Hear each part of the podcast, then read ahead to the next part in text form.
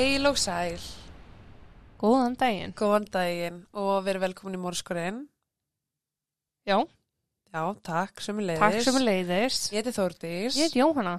og rétt árunni byrja þá ætlum ég bara að minna á skröpdar í Ísland.is, Mm -hmm. kóði morskurinn, veitir ykkur 15% afslátt. Eða mord skurinn, mord Já. eins og bara að vinna ykkur að morskurinn, morskurinn, morskurinn, morskurinn. Mér langaði að vinna við að leysa upp dánafregnir þegar ég var krakki. Ertu ekki að grínast? Nei. Ding, ding, Viltu ekki þá alveg eins fara að lesa upp hérna jólakveðjurnar, aðfangardagskveðjurnar? Það er það leiðlastar ég hlust á það. Er Heilhugar, hugheilar kveðjur frá Jóni á Skagaströnd. Mýrabakka, já. Klippa, já. Herðu, jæja, let's go, let's go, let's go. Ég ætla bara að vinda með beindi máli. Sagði hún tvær minnur inn í þáttinn. Akkurat. Um, here we go. Kæron Richard Horman fættist þann 9. september árið 2002 í Portland á St. Vincent sjúkrahúsinu í Oregon. Mm Fóreldra hans voru Kane og Desire Horman en þau hefðu slitið samvistum þegar Kæron fættist. Horman, Jepsi, Hordís, hór. Hordís, Mm. Jú, alltaf. Hór. Þau hefðu upphaflega gift sig ára 2000 en byrjuðu að fara í sundur á svipum tíma og hún varð ólétt af Kæron.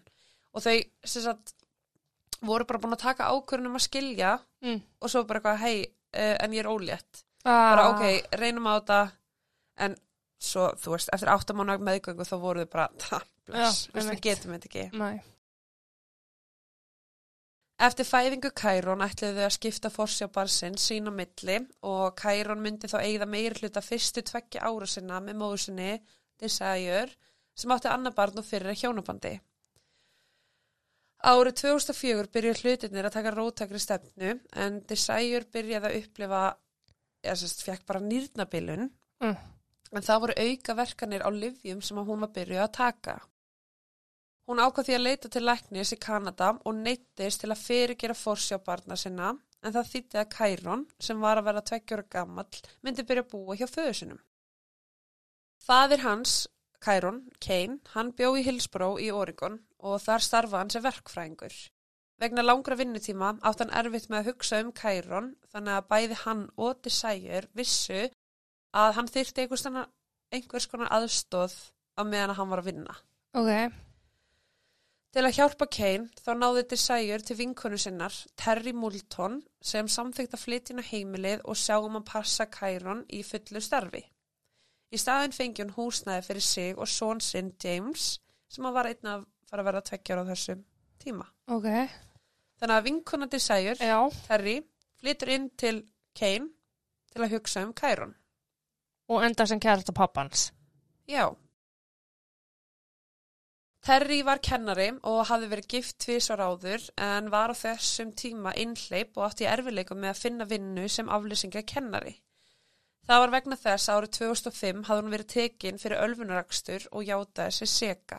Það leta hann eiga erfitt með að finna vinnu svo þegar að vinkunennar Desire bauðin þetta tækifæri hann alltaf bara taka í. Já.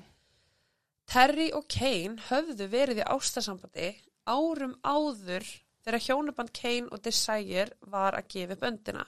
Ó. Á meðan eða eftir? Sem já meðan sko. Ok.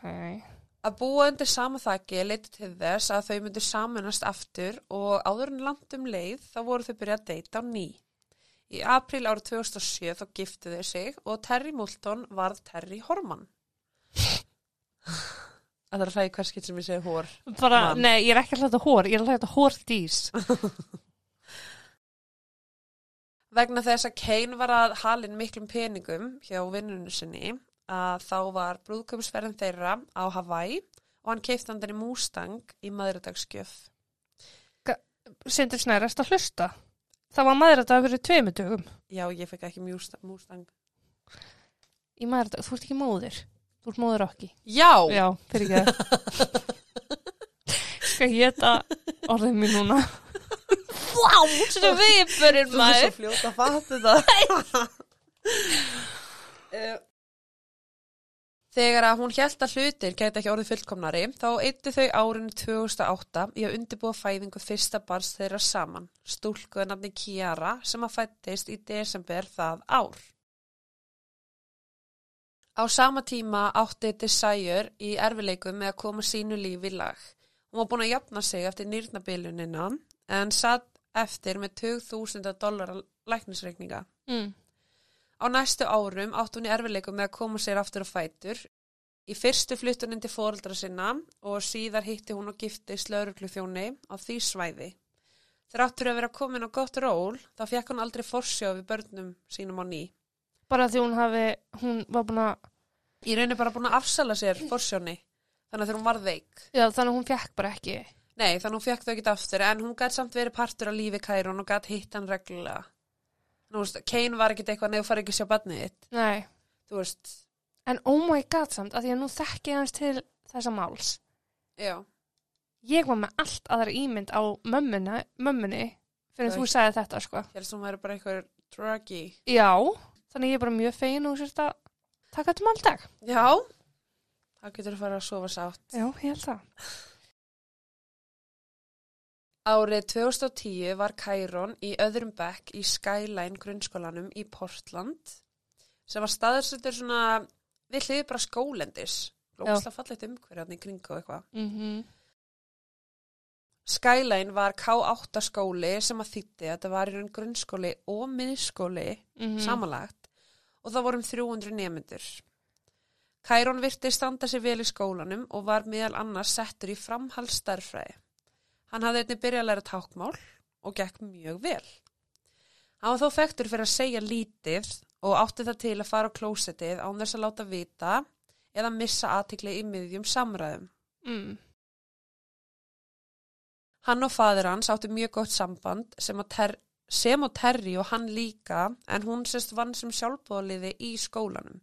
Hann hitti stjúpmóðu sína, náttúrulega bara í skólanum og eitthvað og þau náðu bara mynda þessi góðu tengsl. Um, fjölskyldan fór saman í stöður ferðir um Karabíhafið, nei, Karabíska hafið nei, Kirrahafið, Ó, Kirrahafið og hann nautist bara að vera með fjölskyldinu sinni. Það Já. virtist bara allt vera að ganga mjög vel og utan frá séð inn og það átti Kærun ástriða fjölskyldu sem að stutti við bakjánum í gegnum súrt og sætt mm. og bara saman sköpuðu þau góðar minningar. Þann 4. júni ára 2010 var næst síðasti föstudagur skóla ársins sem að byrjaði ólíkt flestum öðrum morgnum hjá fjölskyldinni. Kærun var þá 7 ára gamall og að nálgast lók annarsbekkjar, Mm annara bekkjar, Oh my god, ég veit bekk nummer ekki. 2. Hann tók vanlega strætó í skólan en þennan dag var Terri að keiran svo hún geti tekið þátt í sérst, vísindarsýningu sem að hann hefði skráð sig á. Mm. Hann var búin að undirbúa verkefni og var spenntur að sína stjúpumum sinni hvað hann hefði gert. Hins vegar, til að hún geti séða, þá þyrfti þau að mæta í skælan grunnskólan áður en að skólinn byrjaði.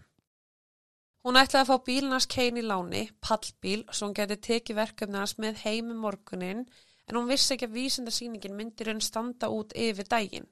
Allan daginn. Já, það var ekkert eitthvað að bara klukkutíma eða eitthvað, heldur var bara í bóði að koma og skoða þessar, þessi verk hjá sem krökkum, Já, bara yfir daginn. ok. Þau mætti í skólan klukkan 8 um morgunin og skiliðu skólatöskunni hans og úlpunni í kennslustofuna þar sem hann átti að væri tíma setna yfir daginn og heldur svo áfram í íþróttahús skólans þar sem að Kærón og hundru annara nefnda hefðu sett upp verkefni sín. Kærón síndi henni verkefni sitt og tók meðal annars mynd af sér fyrir framan það á samt nokkru vinu sinum. Terri og Kærón sáist að mörgu vitnum á þessum tíma af nefndum og starfsfólki sem að myndi eftir að hafa séðu klukkan 8.15 um morgunin. Og það er líka mikilvægt að hafa í huga að Terri var með dóttur Kier, Kiara Mm. hjá sér allan daginn. Ok, Þannig að í rauninni var þetta Terri, Kiara og Kærón. já. Terri og Kiara voru á staðnum til klukkan 8.45 en þá var sérst skólinn að byrja hjá nefndunum og náttúrulega vísindarsýningin í raun lokið, þú veist, þú ert búin að sjá allt sem þú þarft að sjá. Já. Þannig að Terry held heim á leið. Næsta einn og halva klukkutíman var Terry að sinna erindum um allt svæðið. Fyrst fór hún á Fred Meyer í nágruninu sem að var bara matveru og vestunarkæðja, svona starri útgáfa Target. Ok.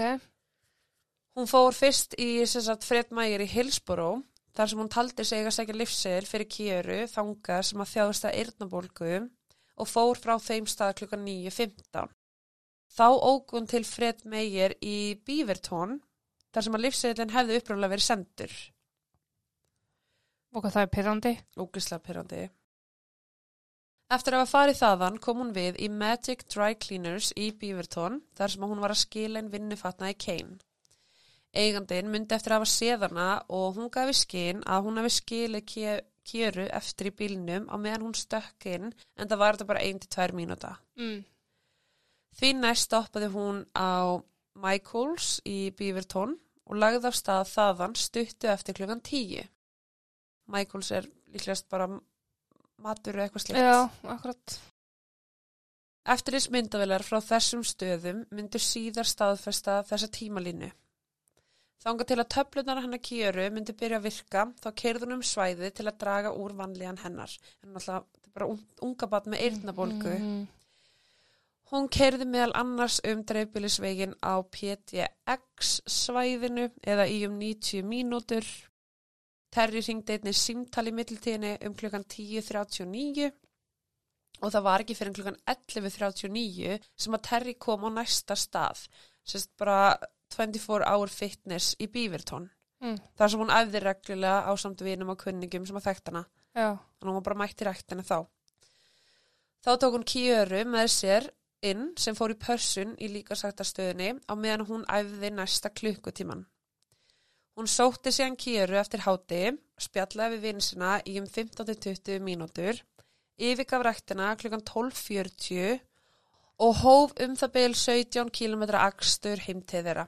Hún kom heim um, aðeins fyrir klukkan 1 og klukkan 1.21 þá byrjar að hlaðin myndum á Facebook í möppu sem að héti júni 2010 sem að innihjalt myndir af Kiara og Kæron.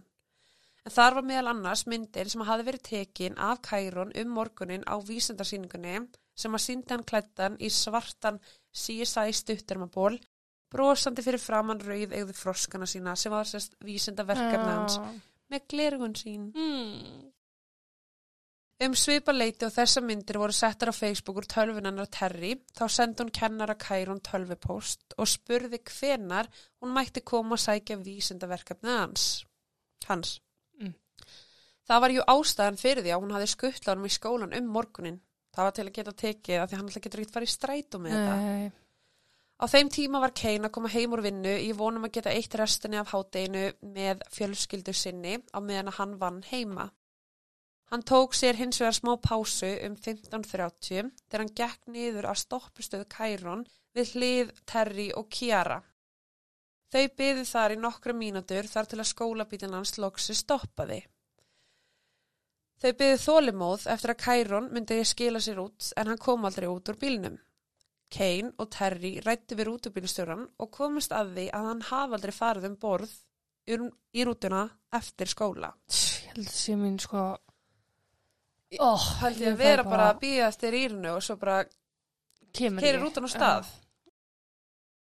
Hann sagði þeim að ringja í Skyland grunnskólan á meðan að bílstjórin ringdi í rítira skólans og sagði bara að Kærun væri hvorki heima á sér niður í rútunni. Mm.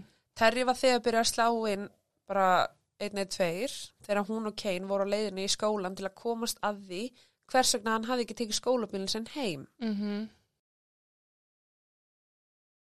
Því miður hafði enginn í skólanum séðan síðan um morgunin þegar hann sást á vísindarsýningunni við hlið Terry. Þrátt fyrir að hún hafi skilað bakbókanum hans og jakkanum í starffræðistofuna þá hafði hann verið mertur fjárverandi allan daginn og klukkan 15.46 ringdi rítari skólans í neyðarlínuna og tilkynnti hvarfið. Þetta var rétt um það leiti sem að Terry og Kane kom í skólan í þeirri vonum að sjá hann standa fyrir utan að býða eftir farinu sinu. Það var þeim nú ljóst að Kærun var tindur og örvendingafull leita honum hóst síðdegis á förstu deginum nokkrum klukkustundum eftir hann sást síðast. Lauruglu þjónar mætti í Skælan grunnskólan um klukkan 16 og þeir gerðu sér fljótt grein fyrir því að þeir höfðu tapað mjög dýrmætum tíma í að leita honum. Uh, já. Fjölskyldan vissi ekki að hann væri ekki í skólanum og hann sá síðast klukkan 8 morgunin og nú var klukkan honum fjögur. Engu að síður hófst leit strax frá síðasta þekta staðans sem var grunnskólinn en hann var náttúrulega staðsettur nálægt skólendi og umkringdur háugrasi og hæðum sem átti eftir að hilja það sem þeir sá úr fjarska. Því miður var skólinn ekki með neinar öryggismyndavelar og því þurfti lauruglan að byggja leitina á því hvað vittni sáu Mm. og náttúrulega bara hvað þau sögðu. En það myndi flækja málið en frekar þar sem að allt svæði skólans hafði verið opið almenningi um morgunin vegna þessar síningar og það hafði því ekki þurft að skrá sig inn í afgjörslinni til að komast inn í skólan. Nei. Þannig að þú veist, það var í raun áruguslaust að reyna að finna út hverjir höfðu verið þarna um morgunin vegna þess að þetta var bara opið öllum, veist, og þó- þrátt fyrir að þú ættir ekki batni í skólanum, þá, mátt, þá ert þú velkomin að koma og skoða sýninguna. Já. Þannig að það var bara fullt af fólki hérna sem að tengdust kannski ekkert skólanum og neitt hátt. Mikið svakalega finnst mér það undarlegt samt af hverju ókunnur ætti að vilja koma inn í skóla og skoða vísindasýningu. Kannski til að ræna batni. Já, það er það sem ég er að segja. Já. Kærón sást síðast klukkan 8.45 um morgunin þegar hann var sérst með stjúpmóður sinni Terry að ganga niður gangin á leiðina að bekknum sínum Mm. eða skólastofunni. Kennarar og aðri starfsmenn skólans höfðu séðan nokkrum mínútum áður en þetta var einhvern bara síðasta staðsetningin sem hann sást á á þessum gangi. Ok. Nemandi kom síðar fram og sagðist að það var sé kæ, Kæron um klukkan nýju en lauruglan fann á honum að hann var ekki alveg viss og þetta voru því ekki trúverðuðar upplýsingar. Nei. Það er svo búnt með krakka líka því að eins og maður vill taka markaðum þá geta það líka rosalega óáreiðanleg Já, upplýsinga. Já líka kannski gera sér ekki alveg grein fyrir því. Var það í gær sem ég sá hann, var það í fyrra dag, var það rétt áðan? tímaskinn. Það er bara núna eða ekkert. Já, akkurat. Og eftir eða áðan það er ekki til. Uh Eftir 8.45 virtist sem að hann hafi bara gufað upp. Margir settu upp spurningamerki við það hvers vegna enginn ringdi og spurðist fyrir um hvar Kærun var. Sest, hann var fjárverandi í skólanum Mm -hmm. og það er enginn tilkynntan veikan. Nei. Þannig að þú veist, það er bara regla að ef barn mætir ekki að þá er ringt. Nákvæmlega. Hvar er barnið? Já. Og þá þú veist, ok, já, hann er veikur heima, já, ok, takk fyrir að láta vita, skilur, þú veist, 100 mínútum og seint, en Mhm. samt. Já. þú veist, en það var bara eitthvað, ok, en af hverju var skólinn ekki, þú veist, já. En það var sérst einhver miskilningu sem hefði gerst, af því að Terry hafði sagt kennurum hans, eða kennaranum hans, að hann hafi fengið tíma hjá lækni og kennararnir einhvern veginn bara áalluðu og töldu að það væri þennan föstudag. En það var ekki fyrir föstudaginn eftir, Ah. þannig að kennararnir mertu bara, ok, fjárverandi og töldu bara hann myndi koma í skólan sérst eftir læknistíman. Já. En þegar gerist ekki þá gerður bara ráð fyrir því að hann væri bara heima með Terry eftir læknistíman. Mm. Þannig að þetta var, eh, þú veist, miskilningur sem að kostaði Mikið. mjög mikið, já. Um klukkan 17.30 voru sendt skilaboð til allra fóreldra á svæðinu sem að áttu börn sem að gengu í skóla á Portland svæðinu. Í því stóð að Kæron Horman hafði ekki komið í skólan þennan dag og allir voru kvattir til að hafa samband ef þeir höfðu upplýsingar um hvar hann væri niðurkominn. Lauruglan byrjaði að skipulegja viðtöl við nefnendur, starfsfólk og fóreldra en helgin sjálf myndi reynast mikil hindrun þar sem að flest börn voru nú þegar farin heim úr skólanum. Leit var einnig gerð á svæðinu og lauruglumenn sett upp skilti með fram stærstu vegunum sem að ástóð bara missing boy. Mm. sem hann alltaf bara vekur aðtikli margra missing boy, þú veist. Þeir byrjuðu að leita í kringum skólan en veðri var að vinna gegn þeim þar sem að rindi mjög mikið og það hægði á leitast þar sem minni um helgina Mm. Vegna þess að lauruglan hafði ekki verið tilkynnt um hvarfans fyrir tæplega klukkan fjögur, þá tókst þeim ekki að koma á stað leitar og björgunastarfi fyrir um kvöldið en heldu áfram að rannsaka svæðið sérst, í kringum skælan grunnskólan langt fram á laugadag þar sem að síðasta tilkynningin var sleita fólkinu klukkan 03.32 ok. þannig að þeir voru bara að Já, Um einum og hálfum tíma eftir að fyrstu leita til raun lauk komi lauruglumenn saman aftur til að skipulegja hana betur að meðan aðri heldur áfram að leita í kringum grunnskólan. Spórhundar voru einni fengnir og skoðað var hver einasti fermetur í kringum skólasvæðið. Lauruglan innbyttir sér að 30 km radius í kringum skólan en lagði einni leið að nærlegjandi eigu sofi eigu sem var í um 9 km fjarlægð. Þeir einbyttu sér í kringum fljótið þar en sögðu aldrei hvers vegna þeir höfðu svona mikinn áhuga á þessu tiltegna svæði. mm. Tekin voru viðtölu við alla nána vinans og fjölskyldu þennan laugadag og reynd verið að komast að því hvort að einhver hafi séðan eftir að hann sást á þessari vísindarsýningu. Því miður byggum margir fjölskyldumæðlumir hans í verulegri fjarlæði frá Portland þar sem að móðir hans og eigimaður hennar byggu í nokkra klukkstunda fjarlæð frá E- Oregon. Mm. Kane átti fjölskyldu sem að var mjög dreifðum svæðið en það var engi sem bjó nóg nálagt til að geta búið yfir einhverjum upplýsingum. Þú veist, það var ekki svo að hann geti bara gengið til ömmu sinnar, Nei, þú veist, eða gengið til vinn pappa síns eða eitthvað, þú veist, það var, það voru allir bara einhvern veginn, treyður út um allt bara. já. Bursið frá því, þá voru næstum allir sem að þekktu fjölskylduna með fjárvistasönnun, annarkvort voru þau í vinnunni eða skólanum. Kærun gatt hafa stungið af, en það var í raun ekkert í samræmi við hegðun hans þar sem hann var vanlega feiminn og bar sig vel. Ef hann stakk af, þá hafði hann allavega ekki sagt neinu vinn sinn frá því. Ok, Já.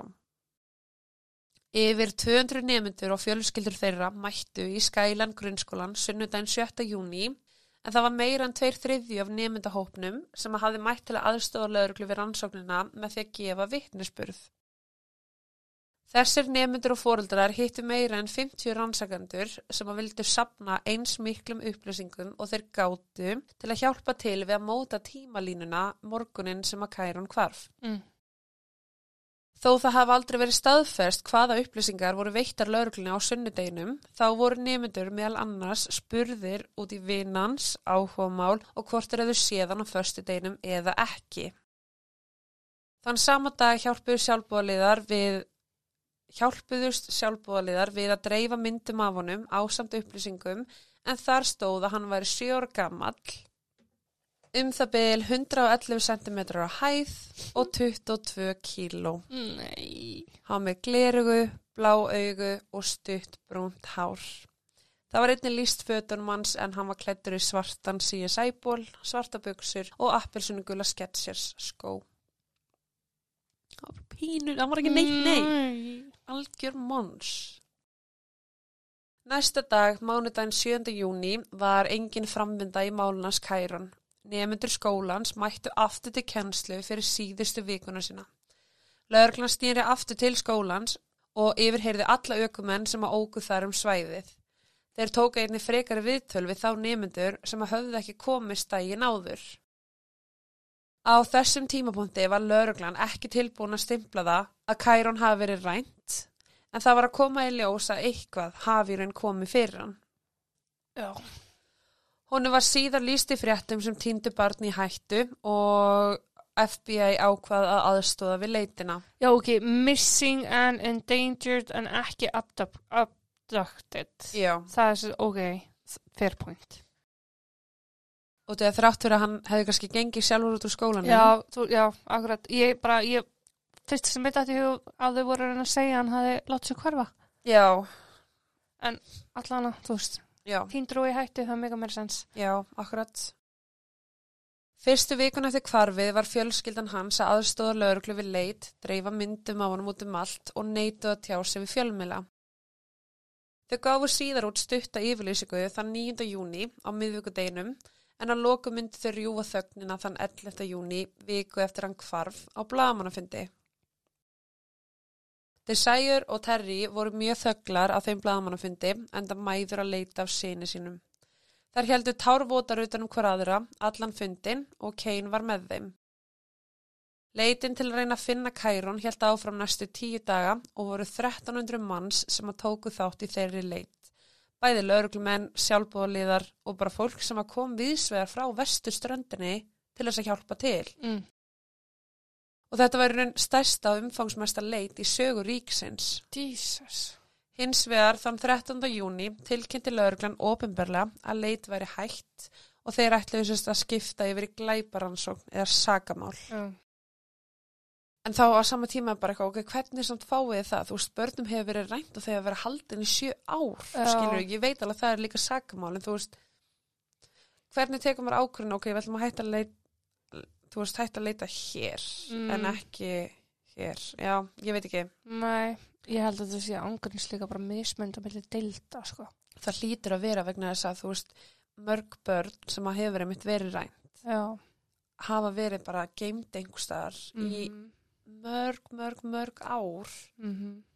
og einhvern veginn eins og þannig er lögreglan bara eitthvað, ok, hann er bara dáinn. Þetta er bara sagamál, þú veist. og maður er bara eitthvað- það eitthvað, er eitthvað löggild ástæð þar á bæku. Já, það er mitt máli, ég er bara eitthvað, hver, þú veist, hver er þessi ástæða? Já, allavega. grunur, kannski grunur bara einn og sér, nú. Já, akkurat. Þann 15. júni á meðan nemyndur sóttu síðasta kennsludaginn sinn, þá heldur bekkjafélagar hans og aðri nemyndur í vonina um að sjóra Kærón myndi snúa aftur heim. Leitað hafði verið að honum í meira en tvær vikur og fjölskyldan var bara alls ekki tilbúin til að hætta að leita. Þau ætlaði bara að leita þar til að finna hann og ég skil það já. mjög vel. 25.000 dólara verðlaun voru sett fram fyrir upplýsingar sem að leiti til þess að Kærón myndi finnast og voru tvöfölduð í lok mánaðarins. Máli naut stuðningsalmennings en það virtist bara eins og enginn vissi um eða hafði orði var við litla sjör og strákin. Á þessum tímapunkti voru rannsakadur hins vegar þegar farnir að þrengja rannsókn sína að einhverjum sem að þeir töldu að vissu meira um málið en þeir höfðu, höfðu gefið til kynna. Sem var jafnframt sá síðasti sem að sá hann en það var stjúpmáður hans Terry. Mhm. Frá upphafi hafði lauruglan fylst vel með Terry og tóku eftir því að daginn sem að Kærón hvarf þá voru nokkrar eyður í atbyrðarásin hennar. Allir fjölskyldu meðlimir hans og ástvinir fóru í löng viðtöl við yfirvöld og samþýtt að taka lígapróf en Terry var svo eina sem átti erfitt með að standast prófið. Mm. Á milli 4. og 25. júni þá fór hún í tvö mismunandi próf.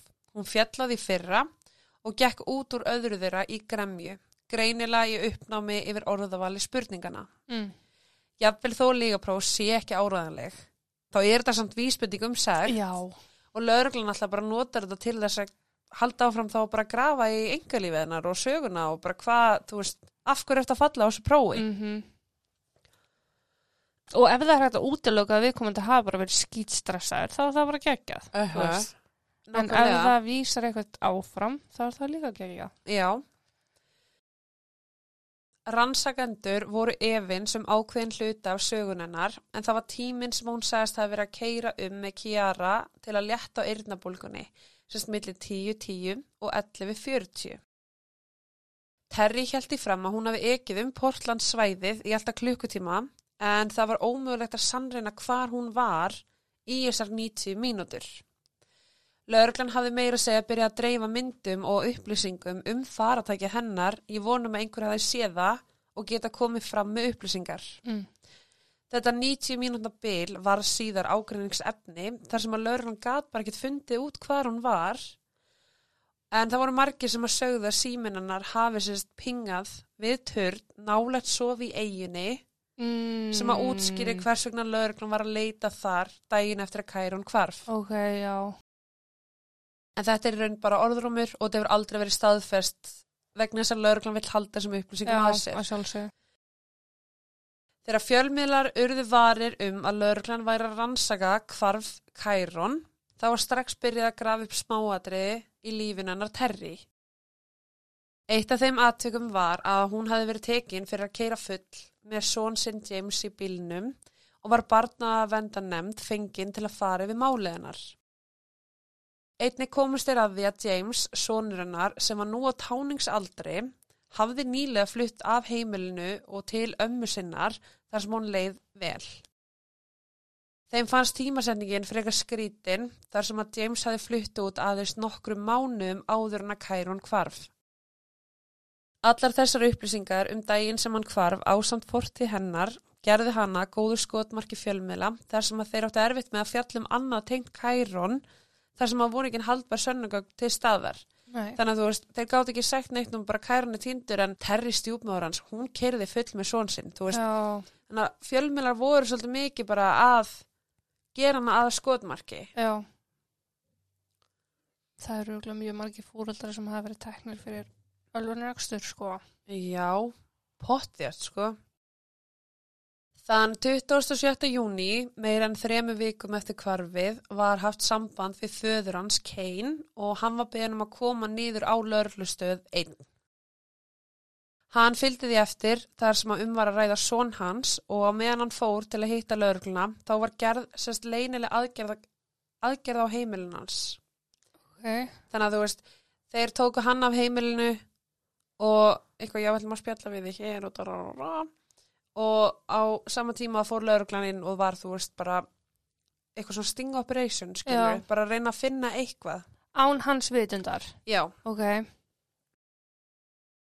Nokkru dögum áður hafði garðirkjumadurinn hennar Terry og Kane, sem að Terry hafði raun ráðið í laumi árið 2008, verið að vinna í garðinum. okkur er launi. Laumi. Uh, okkur er laumi. Sko, hann sagði lauruglunni að Terry hafi bóð honum pening til að drepa Kane Horman. Já, Samkvæmt honum, þá hafði Terry bóð honum út á veitingastað fyrstu mánuðina árið 2010 og spurði hann þar hvort hann gæti myrtan og látið að líti út eins og það væri bara einhver árás, mm. tilumnislegs árás. Samkvæmt skjölum lauruglunar sagði Terry við Rúti, sérst garðirkjumannin, að Kane var oft með pening á sér þannig að þetta gæti litið út eins og rán. Hún sagði honum svo að hann mætti eiga peningin sem að Kane hafði á sér sem var um 10.000 dólarar Vá. auk fartölvuna sem hann var alltaf með á sér í skjálatöskunni. Já, hann var alltaf verktaki. Nei, verkfræðingur. Nei, hann var hérna, jú, verkfræðingur. Nó til, örgulega. Já. Samkvæmt Rúti var ástæðan fyrir þessu morði svo að Kane var að beita hann á ofbeldi og hann ætlaði að skilja við Terry og taka forræði af, eða sérst yfir kjöru. Kane var að lokum sagt allt þetta af lauruglunni á meðan þessi leinaðgerð var gerð hjá þeim. Rúti, sem var að starfa sem leini lauruglumadur og var leigum morðingi, kom á Horman heimilið og reyndi að gera samning við Terry. Hann var með upptöku búna á sér og var stöðut að minnast á samræðnar sem að þau hefðu átt nokkru áður. Mm. Þó að upplýsingarnar um þessa aðgerð hafa aldrei verið gefnar út að þá vitum við að þetta endaði illa. Ok. Terry óttaðist mögulega að umværa ræða gildru og ringdi í laurugluna síðdegis. Þar sem að hún hafði ekki sagt neitt, þá var hún ekki ákjær fyrir hennar glæpi. Af þeirri ástæðu vitum við ekkert hvort hún reyndi að koma höggju eigimann sinna eða ekki. Þú veist, við verðum alveg að hafa smá benefit, benefit of the doubt, Mm en þú er samt með leini lauruglumann sem að er búin að heyra hann að segja þetta, en hann náðu bara ekki upptöku. Já. Síðar kom í ljós að Rúti var ekki ennsku mælandi að móðumáli. Mm. Uh, ekki vita hvort að hann hafi fyrst leita til lauruglunar eða öfugt, en ofinbarlega hefur verið getið um að lauruglan hafi hóta fjölskyldan sem brottvísun ef hann myndi ekki vinna með þeim og samþykja þetta. Já. Það er alveg típist, sko. Já, það myndi hins vegar aldrei komið í ljós og sumir halda ég fram að þau hafi verið í ástasambandi Mm. Þess vegna hafi hann, hún beði hann um að drepa eigimann sinn en nú aftur allar þessar upplýsingar eru lokar hjá lauruglunni. Já. Baksagan hjá Kane og Terry var nú þegar neykslis mál og sló í gegn hjá fjölmiðlum, þar sem að blaðamenn höfðu fjallað um þau undanfanna vikur. Tali var að þau tvö hefðu stopnað til sambands nokkrum árum áður en að þau byrjuði að deyta þegar Kane var ennþá giftur Desire. Mm. Kane og Desire höfðu skilið við hvort annað en það var ekkert nýtt fyrir Terry sem í ljós koma hún hafði sögu um framhjáld með fyrri eigimenn sína. Þrátt fyrir að leina að gera lögregla mistókst þá upplýstu þeir samt sem áður Kane um að hann væri í lífshættu. Ok. Þetta kom honum í mikið uppnám, jafnvel þó að ásakanirnar á hendur Terry myndu aldrei vera sannar. Hann snýr aftur heim um kvöldið og endaði að rífast við einkonu sína sem hann var til þess að hann fór í burtu með eins og stóttu þeirra héru. Terry ringdi neðalínuna í annarsinn þann daginn um 23.39 og lauruglan myndi lýsa því sem forræðisteyla. Á næstu dögum fór þessi saga fram í fréttamilum og þeir komust að þessari misöfnuðu aðgerðira og sögðu frá því að Terry hafi reynt að fá eigimann sinn drepin. Í fjölmjölum. Já. Ok. Þetta var hans auki við fregni þess efnis að Kane hafi flúið frá heimilinu um nóttina ásamt kjöru og byrjaði óbyrbarlega að tjási um að Terry væri að leina upplýsingum vanandi kvarfið á Kærón. Mm. Svo nú er Kane byrjar að koma fram og bara Terry veit eitthvað um Kærón og hún er ekki að segja það. Þannig er þú veist, mögulega lögreglan bara búið að mata ofan hann upplýsingar, bara þú ert í hættu, hún er að fara að drepa þig, þetta gerist, þetta gerist, hún er vond, Mhm. hún held fram hjá dararara. Og hann er bara, þú veist, farin að trúa því, Það bara gleipir við því náttúrulega. gleipir Já. það, já, og nú er hann bara eitthvað, herðu ok, Terry veit eitthvað. Í sömum yfirlýsingum hvöttu bæði Kane og Desire hann að Terry til að gera það rétta og vera samvinni þýða. Aðeins tveim dögum síðar sótti Kane um skilnað sem og nálgunabann á bæði hann og Kjöru gegn Terry. Nálgunabanni var samstundis veitt. Þú veist, hversu auðvelt? Allt of finnst mér í þessu tilfelli. Já, en skilnaður tók mörg ár. Í millitíðinni byrjaði hann að skilja sig algjörlega frá Terry og var opinn með að hún hefði átt eitthvað að gera með kvarfið á Kærun. Á meðan þetta var í gangi, þá hafði Terry myndað kynferðislegt samband við 37 ára Michael Cook, fyrirverandi bekkifélaga Kane, sem hafði meðal annars tekið þátt í leitina að Kærun. Örfám dögum eftir að Kane fór með Kajara, Kýru, þá byrjaði hún að senda um skilaboð sem að gerða verkum að þau fór að deyta. Ef það hefði ekki gert það nú þegar, að þá var almenningsálit á Terry, mínus. já, Já. á mikillri niðurleið. Þú veist, líka bara þarna, þú ert að gangi gegnum skilnað, uh, stjúpsónuðin er tindur Mm og þú ert bara eitthvað tindur, skilur, jú, við Já. deilum öll mismunandi við tilfinningar, en þetta var samt svona, akkur er þeir svona, Þegar þú ert líka svolítið svona in the public eye. Já, já, já, já. Á síðustu dögum júni mánar myndi Terry ráða sér sakamálalagfrængin Stephen House, House mhm, sem undirbjóð sig undir vördin hennar. Frá lókjúni var lífina Terry mjög ofinbert. Blaðmenn fylgdust með henni daglega og hún gati ekki lengur þar í rektina án þess að vera áreitt. Orðrómur um kviðdóm fór í gang sem var tali vega á því hvort leggja eftir fram ákjæri málin eða ekki. Í meir en einn mánu myndi þessar sögursagnir fjölga mikið og nokkrum mikilvægum upplýsingum var lekið. Mm. En það er sérst, Terry er bara þarna búin að rá, ráð, ráða sér lögfræng. Kane og lögreglan eru bara að segja þú hefur eitthvað með hverfa ánum að gera og hún er bara, herðu, ok, þú veist, ég ætla ekki að tala nema að vera með minn lögfræng, skilur Nei, nákvæmlega. Í júli var vinkona Terry, Didi Spitzer, flækt í máli en hún var ein af þeim fáu sem að höfðu verið í virkum samskipti við Terry síðan í júni og hafði raun farið og verið hjá henni í um það byrja 11 daga eftir að Kane bað um skilnað. Hún var því dýrmætt vitni fyrir rannsóknina en samkvæmt yfirlýsingu sem að Kane og Desire byrtu síðar þá sæði Didi að hún hefði verið nánum samskipti við Terry og hafði veitt henni stuðningi gegnum þennan tíma.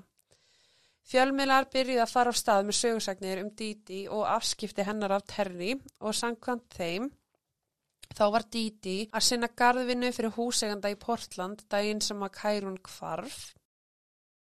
En sagðat honum þá fór Didi skyndilega klukkan 11.30 á mótni, var í burti í 90 mínútur, svara ekki símanum og kom tilbaka klukkan 1.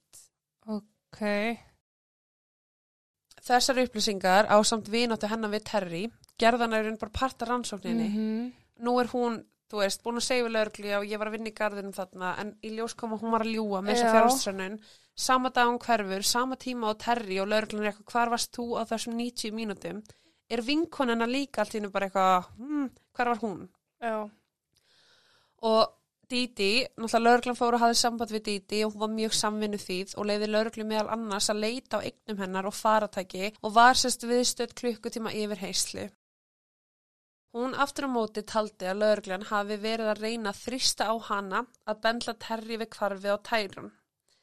Það kom síðar í ljós að ásamt í að styðja við bækið á Terry. Það hafði hún orðið vör við það að lauruglan var að fylgjast með símanum hennar og Terry svo hún enda á því að kaupa óreikjanlega síma fyrir þær báðar svo þær geta átt samskipti sín á milli án þess að lauruglan var að fylgjast með. Já. Þetta gerði svo sem ekkert gott fyrir þær, heldur Nei. leiti þetta bara frekar illa út. Hvað er því að ræða sem að tengist kærun sem að lauruglan má ekki vita? E, já. Það kom einni í ljós að mánuðina áður en að hann hvarf, þá hafði Terry verið að senda vinum sínum tölvipósta þar sem að hún var að kenna Kærun um misefna hjónabandi sitt. Það lítur ekki nú vel út fyrir þig. Nei, og í þessum tölvupóstum þá virtust hún líka vera að kenna eigimanni sínum Kane um að táningssonur hennar James hafi verið sendur til að búa hjá ömmu sinni og sagði að minnstakosti einu sinni að einhvernir hans og almenn hegðun hefðu batnað eftir að hann flytti út og þess að bara að kenna Kane um það. Ok. Nokkrum tölvupóstum sagði hún frá eitruð heimili sem var mjög óstöðugt en það er ekki að vita hversu mikið af þessu var satt. Desire sagði um tölvupóstana að Terry hafði mikið hatur á Kærun og hafði hérna alltaf kent honum um hjónabandsvandamáli sem voru til staðar. Þrátt fyrir að allar þessar upplýsingar voru byrtar á kostnað Terry, þá var ekkert að þeim sérstaklega sagnæmt og ekki neitt, þú veist, nóg til að réttlæta ákjæru fyrir að hafa látið Kærun, Kærun hverfa. Nei. Í júni ára 2012, um það byrj tveimur árum eftir að Kærun hvarf, þá höfðaði Desire engamál gegn Terry þar sem hún hjælti fram að hún væri ábyrg á hvarfin hans. Þessi lauruglan gæti ekki höfða sakamál vegna þess að þeir höfði ekki neitt. Auk þess krafist hún um það byrj 10 miljón dollara í skadabætur og var málsóknin mið við að sanna að Terry hafi ræntunum. Terry reynda fresta málsókninni en þeirri til var hafnað. Þeir sem að tóku þátt í málinu voru fengnir til að bera vittni, meðal annars dýti vinkunennar. Og þó að rannsakandur hafi hringt í hana og hún hafi verið mjög samvinni því í sakamála rannsókninni, þá var þáttakarnar í réttarhöldunum allt, allt, allt önnur. Nú. Meðan að skýrslutökunum stóði að vittnisspurðinum stóð, þá neyta hún að svara 142 spurningum og nota erinn hver skipti mirandaréttindir sín. Bara no comment. En það innihér spurningar um dvalastæðinennar daginn sem að kæran hvarf og samskipta hennar við Terry þann dag. Þú veist, og í staðan fyrir að, er, já, já. að því að ef þú ert að reyna að koma vinkuninni úr klípunni, já. Að þá myndir þú frekar svara og segja, herði, ég var að gera garðinu, ég talaði við Terry þarna og þú veist, hún var bara, við vorum að spjalla, skilur þú, þá ættir þú kannski reyn, í raunin að reyna reytinni, veitinni fjárvistasönnun, Já. en hún er bara, nepp, tek ekki þátt í þessu. Síðan kom í ljós að Didi hafði gert samning sem að veittinni friðhelgi í skiptum fyrir vittnisspurð hennar og í síðari skýrslutöku viðkendi hún að hafa stundað sem sagt ykkur ákveðin svik sem varðar skatt og atvinnu og annars slikt. Ok. Það var talið vera ástæðan fyrir því að hún vildi ekki svara mörgu spurningum. Í júli árið 2013 tilkynnti Desire að hún var að hætta við málsóknina vegna þess að hún vildi ekki að það myndi trubla áframhaldandi lauruglu rannsókn. Lauruglan hafði nú verið að rannsaka máli í meirinn þrjú ár en hafði ekki lagt fram neina ákjæru nýja nafngreint einhvern ofinberlega en þrátt fyrir áhugin hafði verið mikill á stjúpmóðurinni. Sama ár var gengið frá skilnaði Terry og Kane þar sem að honum var veitt fullforraði yfir dóttuðra. Árið 2016 byrjaði Terry að tala við almenningi fyrsta skipti síðan að Kærung hvarf en hún fór meðal annars í Dr. Phil þar sem hún varði sig gegn ásökunum. Terry held í fram að sínt hafi verið slæmynd af henni fjölmjölum sem átti ekki stað á sér og að hún hafi verið neitt til þess að fara frá Oregon vegna streitu og alls sem að fyldi bara rannsókninni. Hún hafði meira segja reynda að skipta um nátt tvísvar á undarförnum árum en í báðum tilvikum var því hafnað þar sem að dómari taldi að það væri ekkert í þáu almennings. Nei. Þú veist, til dæmis eins og Nicky Kjæsinger, Nicole Kjæsinger í málunars Chris Watts. Já. hjá svæfan, uh hún fekk að skipta um nafn af því að þú veist, fólk var bara eftir henni nákvæmlega. þeir voru þarna bara nei. Já, þú verður eitthvað ástæð til að vera skipt um nafn á þessum tímapunkti Nei, annað en bara hlífa sjálfur Já á eiginlega á röngu fórsendum. mm Þegar hún var spurð hvers vegna hún beið svona lengi með að tjá sig, þá sagði hún að henni að verið ráðlætta frá upphafa lauruglu, eigimanni sínum og lögfræðingum. Henni hefur alltaf langað til að tjá sig en hún hefði í raun ekki fengið leifi til þess. Þegar hún var spurð hvað hún held að hefði komið fyrir Kærun, þá allt í einu, öllum þessum árum síðar, þá segir hún frá manni sem var á hvítum Ford pick-up bíl sem hann lagður var við þjóðveg 30 hjá 7-Eleven búðinni nálægt skólanum. Hún sagði að hann var að hegða sér mjög undarlega og eitt starfsmæður hafi ávarpað hann þar sem hann hafi gengið fram og tilbaka fyrir framan búðina í um klukkustund. Hún sagði að hann hafi verið að spjalla við starfsmann þar og var ekki viss um hvað samtalið var en heyrði frá vittnum að hann var að spurja hvar næsti skóli væri og var honum sagt skælan. Mm. Lauruglan hefur hvorki staðfest, staðfest nýja neita því uh, hvort vittna hefur greint frá þessum manni ekki en þeir varst mjög dulafullt að Terry væri að kenna þessum einstaklingi um sem að keiriði um á alveg eins bíl og hún Mm daginn sem að kæra um hvarf en hún keiriði nefnilega líka á hvítum pikkubíl mm. þannig að nú er hún búin að finna einhvern aðila Já, sem að hún er raun að skella skuldina á öllum þessum árum síðar já. hún hefði getað sagt þetta í öllum þessum skýslu tökum hjá Mhm. lauruglu Og-. Já, og akkurat á alveg eins bíl og hún, þannig að þú veist, ef einhver sá bílinn hennar þarna, þá var þetta hann. Þá var þetta hann, þetta var ekki hún. Eftir að þættirnir hjá Dr. Phil voru teknir upp, þá stóð Terry uppi fyrir lagalegum vandamálum. Áður en að þættirnir voru gefnir út, þá hafði hún verið handtekinn í Kaliforníu fyrir að aka stólnum bíl og hafði verið bókuð í fangelsi, en var látið laus gegn tryggingu. Eftir að þættinni voru síndir þá átt hann yfir höfðir sér ákjæri fyrir heimilisofbeldi fyrir að hafa ógnað þáverandi kæristann sínum með hníf. Hann sótt um nálgunubann á hendurinni og Terry átti jafnframt yfir höfðir sér ákjæru fyrir að stela byssu frá herbyggisfélaga sínum. Að sögdi sæjur þó var þetta bara brot af ofbeldshægðun Terry sem var að stigmagnast eftir að kærum hvarf. Í gegnum árin hafa nokkra skipulaða leitir verið gerðar í kringum síðasta þekta staðans, Skyland grunnskólan. Því miður hefur enginn þeirra skila árangri og ekki við tekist að finna einhver merki um hann, Kæron, Mm sem að væri að verða hvað? 22 þess ári? -hmm. Nei, hann er fættið 2002, hann var, já, 20. Twitter. Lörglan heldur áfram að rannsaka málið og þau eru bara með það opið þannig að ef að ef að eitthvað kemur upp að þá, þú veist þá er málið til staðar og þeir geta farið og, og rannsaka það Já. ef að Terry er saklaus Mm. þá er mjög skrítin og erfið spurning sem að maður þarf að spurja Hvað? Hvað? taka- gerðist annað þú veist, öll aðteklin hefur farið á hana og Já. í rauninni það er líka svolítið slæmt af því að það er ákveðið svona tunnel vision Mhm. gagvart henni sem að gera það verkum og það er ekki að leita ykkur öðru Nei. en þú veist, En eins að og sama skapi, hver ætti að koma til greina? já, veist Og hvaða fokk upp er það að það er ekki myndalakerfi í skólunum? það er sko eftir þetta þá er búið að gera það bara nánast að lögum en Já. þú veist það er búið að setja reglugerð eitthvað það eru bara myndavelar og myndavelar voru settar upp í kjölfærið að kvarfin og kærun Já, það er bara svolítið seintir að sem grepið. uh það, það er bara meðal annars tala um bara, þú veist, nokkra svona kenningar og ekki kenningar Mm. þú veist, það var þessi vísindasýning um, í skólanum Já. öllum var bóðið Mm -hmm. og það er alveg að tala um að þú veist kynferðis ábróta menn sem hafa ekki aðgengi í skólum Mm höfðu aðgengi þennan dag vegna þess að það þurfti enginn að skrá sig inn eins og er gert. Það er það skráði inn til að komast inn í skólan Þetta er að bjóða hættinu heim, sko. þetta er að bjóða hættinu heim og þú veist í mörgum skólum er jáfnvel leita á þér skilur Já. þá er að fara í gegnum svona dut Mm til að komast inn.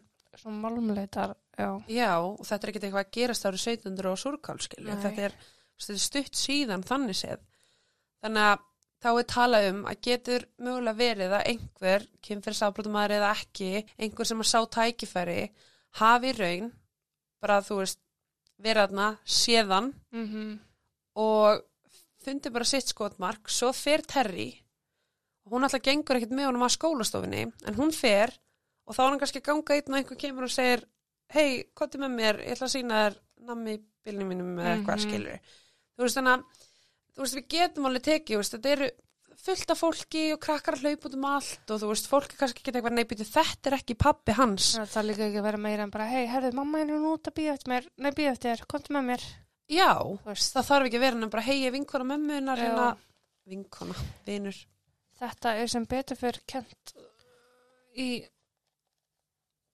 skólum hér á landi að, að það er bara, sama hver það er, þú bara gengur ekki út með neinum. nei, Ef þetta er terri, að það hafi þá verið planað þarna og hún hafi kannski mjögulega sagt við kennaran læknistíma á föstudag mm. -hmm. í staðan fyrir að segja næsta föstudag eða að segja 21. apríl til þess að kaupa sér, þú veist, tíma Mm -hmm. en á samanskapi þá getur líka verið að hún sé bara drullu fokkin óhöfin með lífið. Þú veist, þetta er, maður er alveg svona, aaa, þú veist, en á saman, þú veist, líka það, það eru þarna, hún var, fer þarna og sækir ykkur lif og fer og sækir önnu lif af því að þú veist, livseðlinn þurfti að færast yfir, fer ykkur að búð, hérna, er með kýru dótsina og þú veist, hún er með eyrnabólgu, tekur þessu töflur og jú, jú, skilur, hún kannski er að rúnda um Mm -hmm. og þú veist örglega eitthvað sem að margir fóreldrar gera þú veist, til að róa börnin að rúnda um með þau í bílnum og bara, þú veist, reyna að fá þau til að sofa 100% sko. en þú veist, en það eru þarna 90 mínútur þú veist, og plúsa líka, ok, mér varst mjög spes að á svona stað að hún skilur kjöru eftir í bílnu sínum þegar hún fer inn að kaupa lifið Já, hún myndi kannski ekkert gera það nema sjö ára bróðurnar væri kannski í bílnum líka. Góða punktur. eða þú veist, ég veit ekki, myndir ok, nú er ég ekki að fara að dæma fólk skilur sem er kannski auðvitað bara hlaupin, let's go sérstaklega hérna á Íslandi, en í bandaríkjunum þú veist aldrei Nei, nema ykkur opna hurðin og taki batnið og líka þú veist, ég hugsa að þetta sé að fækka rosalega mikið hérna á Íslandi að, skilja börnin eftir út í bíl sko. já, mér finnst líka bara munur að skilja batnið þitt eftir út í bíl á djúbói skilja sem að búa, Já, hundra eða þá að þú veist fara síðan og skilja batnið þitt eftir í höfuborg Pólans eða eitthvað Já. skilja sem að þú kannski, þú veist, sem bara miklu, miklu, miklu meiri fjöldi af fólki Mhm. og Bara það, það er það sem ekki er útslæði fyrir mig sko, fjöldin af fólkinu. Já, sem að labba hérna framhjá og þú veist, maður veit ekki, fólk getur verið drullu slæmt, Já, skilur það er bara staðrind.